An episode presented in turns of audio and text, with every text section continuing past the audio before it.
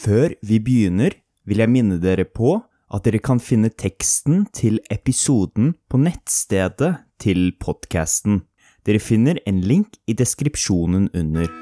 Takk.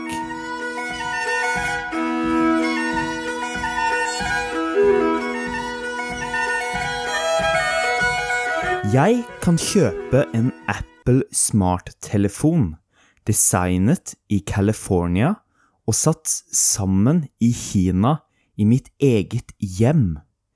I løpet av noen få dager blir telefonen sendt direkte til postkassen min.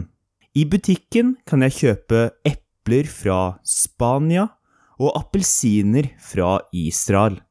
På internett kan jeg snakke med folk som bor mange tusen kilometer borte.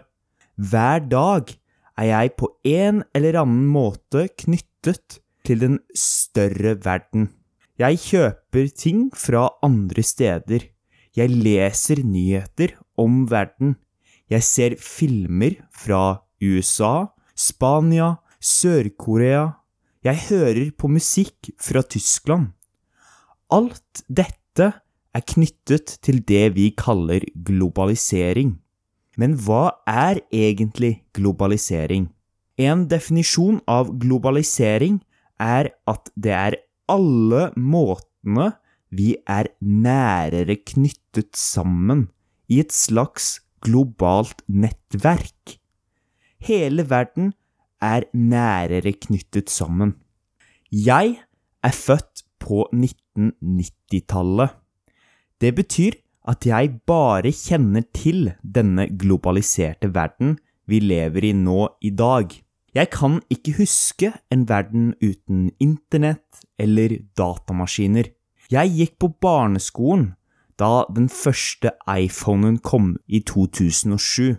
Hele livet mitt har jeg vært ganske nært knyttet til en større verden. Allerede som tiåring spilte jeg et online-spill som heter Runescape, som knyttet meg til brukere fra hele verden. Slik kunne jeg snakke med folk fra USA, Canada, Tyskland og Storbritannia. Hvordan kunne jeg snakke med dem? Jo, ved å skrive til dem på engelsk. Vi hadde alle et fellesspråk til og med, som vi kunne kommunisere på. Engelsk har blitt et slags verdensspråk. Dette gjør det derfor vanskelig for meg å sette meg inn i hvordan det var før man hadde tilgang til hele verden bare ved å trykke på noen knapper. Tenk det, det eneste du trenger er en datamaskin eller en mobil, og du har tilgang til informasjon, underholdning og folk fra hele verden. For min del tar jeg derfor ofte denne globaliserte verden for gitt. At jeg tar det for gitt, betyr at jeg anser noe som så selvsagt at jeg knapt tenker over det. Jeg har hele livet mitt levd i globaliseringen, og en verden der alle er knyttet sammen, er det eneste jeg har opplevd. Likevel har det ikke alltid vært slik, og det kan være viktig å reflektere litt over. Verden har ikke alltid vært slik vi kjenner den som i dag. Faktisk er denne verden ganske unik i en historisk sammenheng. Mennesker, land, regioner og kulturer har aldri vært så nært knyttet sammen som de er i dag. Vi lever i en helt unik verden. Til og med ordet globalisering er faktisk ganske nytt. Før blei det bare brukt av enkelte få økonomer i veldig spesifikke, spesialiserte emner. Folk flest hadde ikke hørt om begrepet globalisering før på 1990-tallet. Det var først på 1990-tallet, da jeg ble født, at ordet virkelig begynte å bli brukt. Faktisk eksploderte bruken av ordet globalisering. I dag kan du knapt lese en artikkel om verdensøkonomi uten å komme borti ordet globalisering. Ordet er overalt, ikke bare i økonomi. Det har blitt en del av vårt moderne ordforråd, vokabular. Og det er lett å se hvorfor globalisering tok av. At noe tar av, betyr at det plutselig blir veldig stort og populært eller kjent. Ordet globalisering ga oss et ord som kan beskrive vår egen periode. På 1500-tallet kalte de sin egen periode for renessanse, gjenfødelse. 1800-tallet er kjent som begynnelsen av industrialiseringen. Men hva skal vi kalle vår egen tidsalder?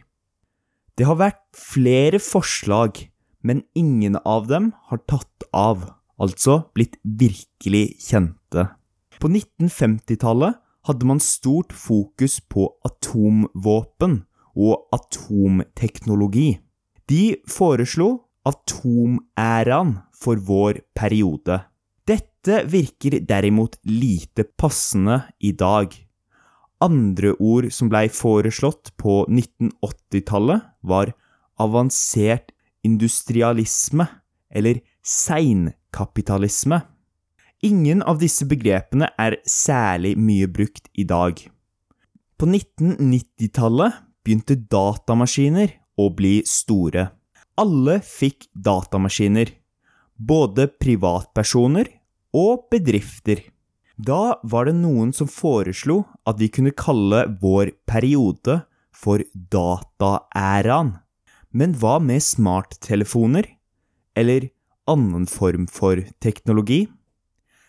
Et annet foreslått begrep er informasjonsalderen. Dette er et interessant begrep ettersom det viser til hvor mye mer informasjon som flyter rundt i dag enn før. Men det er jo mer enn bare informasjon som blir utvekslet. Det er derfor ordet globalisering er så genialt. Det dekker mye mer, og virker som det perfekte ordet til å beskrive vår tidsalder. Mennesker har jo aldri vært så nært knyttet til hverandre som i dag. Jeg forstår derfor godt at globalisering har blitt et så vanlig ord. Kommer de til å kalle vår periode for globaliseringsperioden i framtida? Hvem vet? Vi kan aldri vite hva framtida kommer til å kalle oss. Ingen i middelalderen ville ha kalt perioden sin for middelalderen, for eksempel. Men når begynte egentlig verden å bli mer globalisert? Faktisk kan vi se flere tidlige former for globalisering. For eksempel knyttet Romerriket sin region nærere hverandre. I Romerriket hadde de to fellesspråk, latin og gresk. I vestdelen av riket, Italia, Spania og Gallia, eller Frankrike, var latin hovedspråket, mens de snakket gresk i øst, altså spesielt Lille-Asia, det vi kjenner som Tyrkia, Syria, Israel, Egypt, Hellas Og dette gjorde at langt flere folk kunne snakke med hverandre. I tillegg blei varer solgt og kjøpt mellom regioner i hele riket. For eksempel kunne de drikke italiensk vin i England, eller spise egyptisk korn i Italia. Handelsnettverkene blei tettere, og handelsmenn brukte Middelhavet til å frakte varer rundt omkring. I tillegg bygde romerne så gode veier at flere av dem har overlevd i dag. Veiene gjorde at folk lettere kunne reise rundt omkring i riket. Romerriket var også veldig sentralt for utveksling av ideer mellom ulike regioner. Kristendommen spredde seg for eksempel helt fra Israel til Frankrike, Spania, Italia, Egypt, Nord-Afrika og selv Tyskland og Irland, som ikke var en del av Romerriket. Romerriket er et tidlig eksempel på at en verden blir nærere knyttet sammen. Likevel tok dette slutt på et tidspunkt. Romerriket falt sammen, og alle nettverkene mellom de ulike regionene blei langt svakere eller forsvant. Tiden etter Romerriket på 500-tallet er ofte kjent som den mørke middelalder.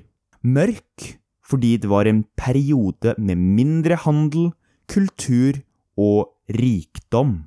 Men når startet utviklinga til vår globalisering? Vel, det har lenge vært slike regionale nettverk.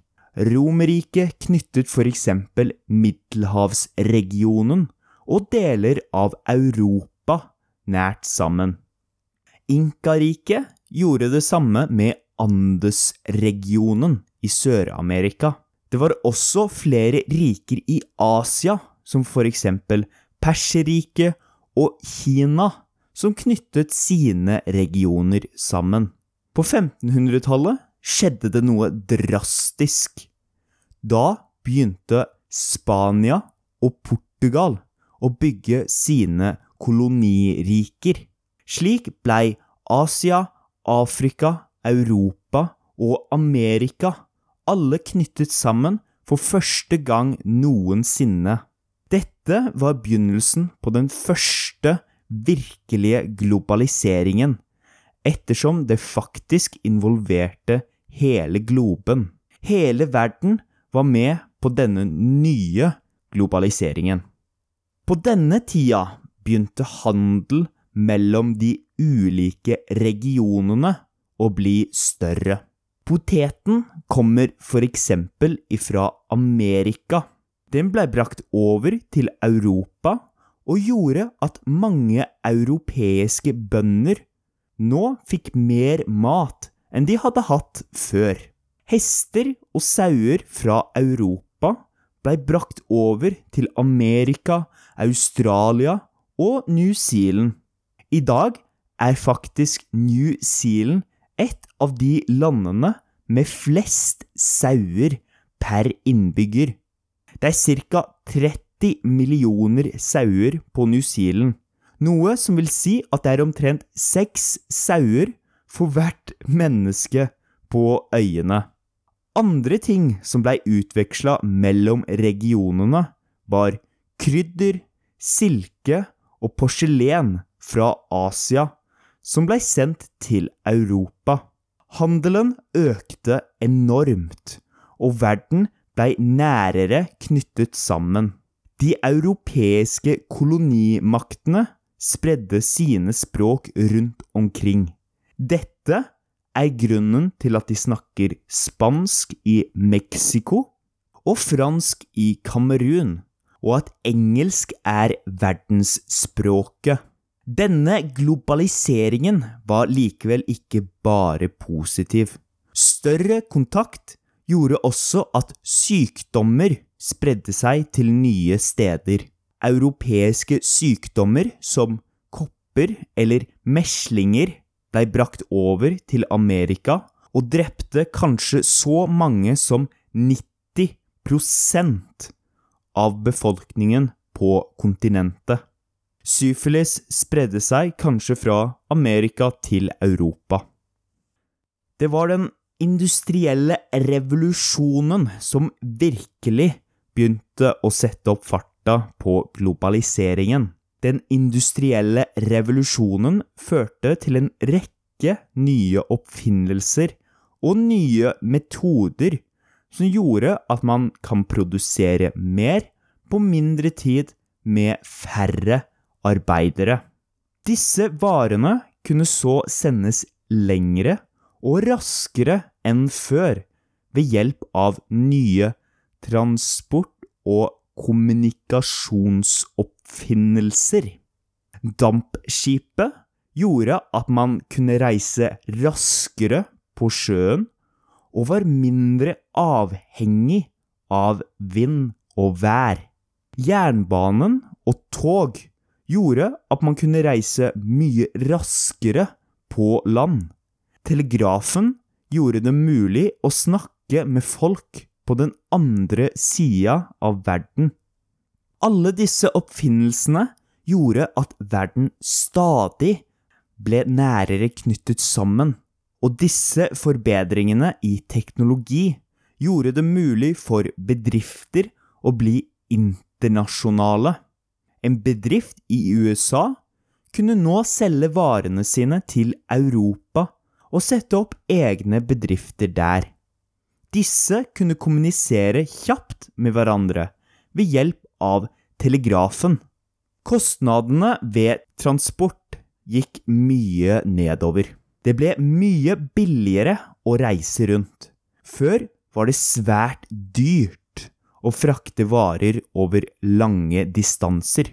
Dette var grunnen til at man først og fremst frakta varer som var verdt mye i forhold til vekta si, der man ville selge dem. For eksempel er krydder lett og tar liten plass.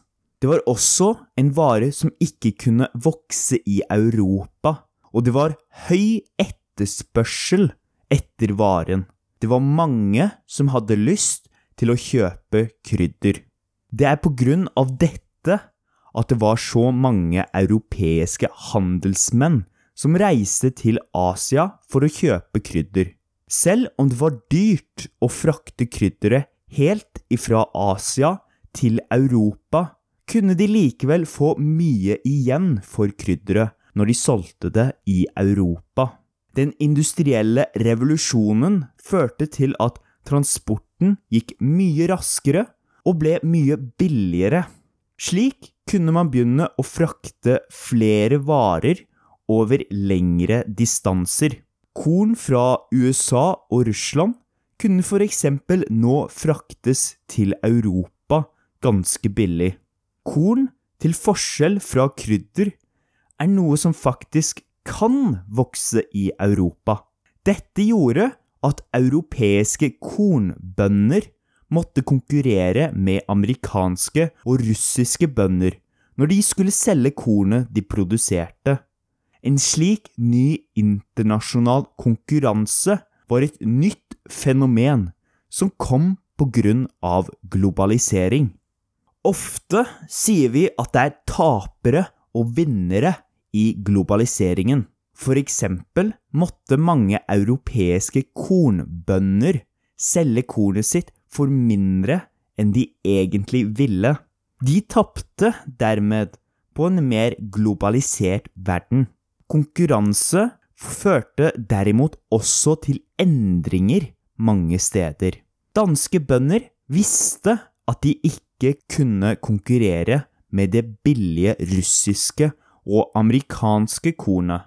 Mange danske bønder gikk derfor over til å satse på melkeproduksjon og kjøtt.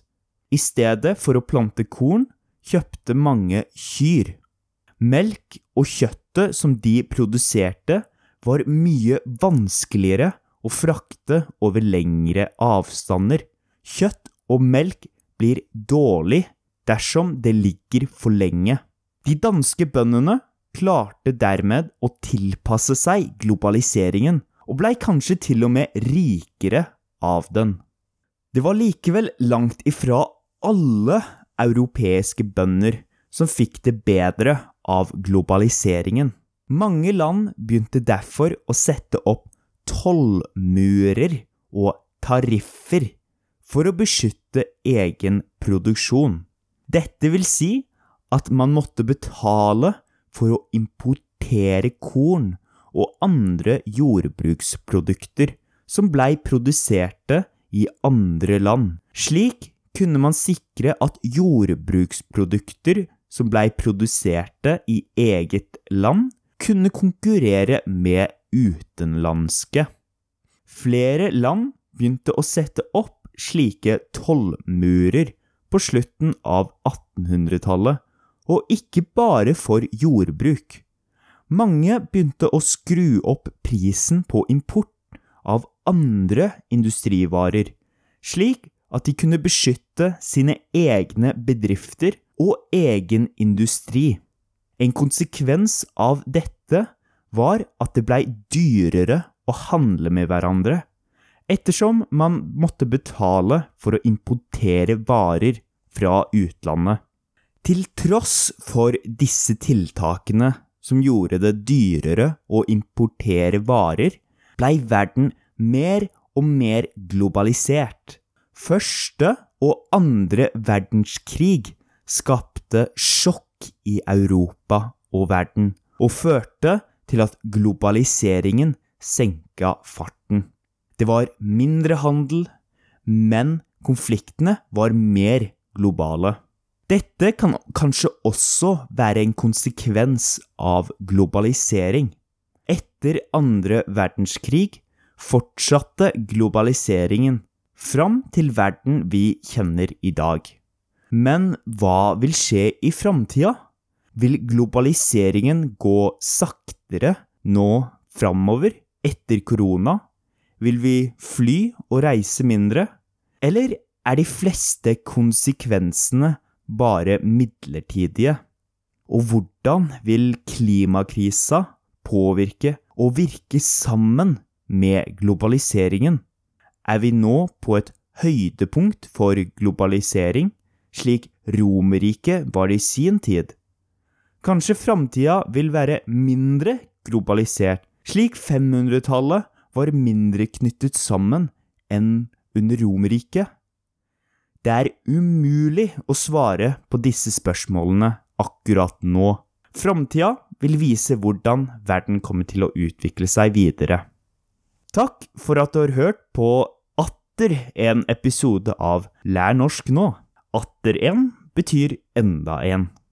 Send meg gjerne en e-post med litt tilbakemelding om eh, hvordan dere ønsker at podkasten skal være framover. Hvilke temaer liker dere best? Hvor lange episoder foretrekker dere? Kortere eller lengre enn nå? Er tekstene som jeg legger ut på nettstedet nyttige?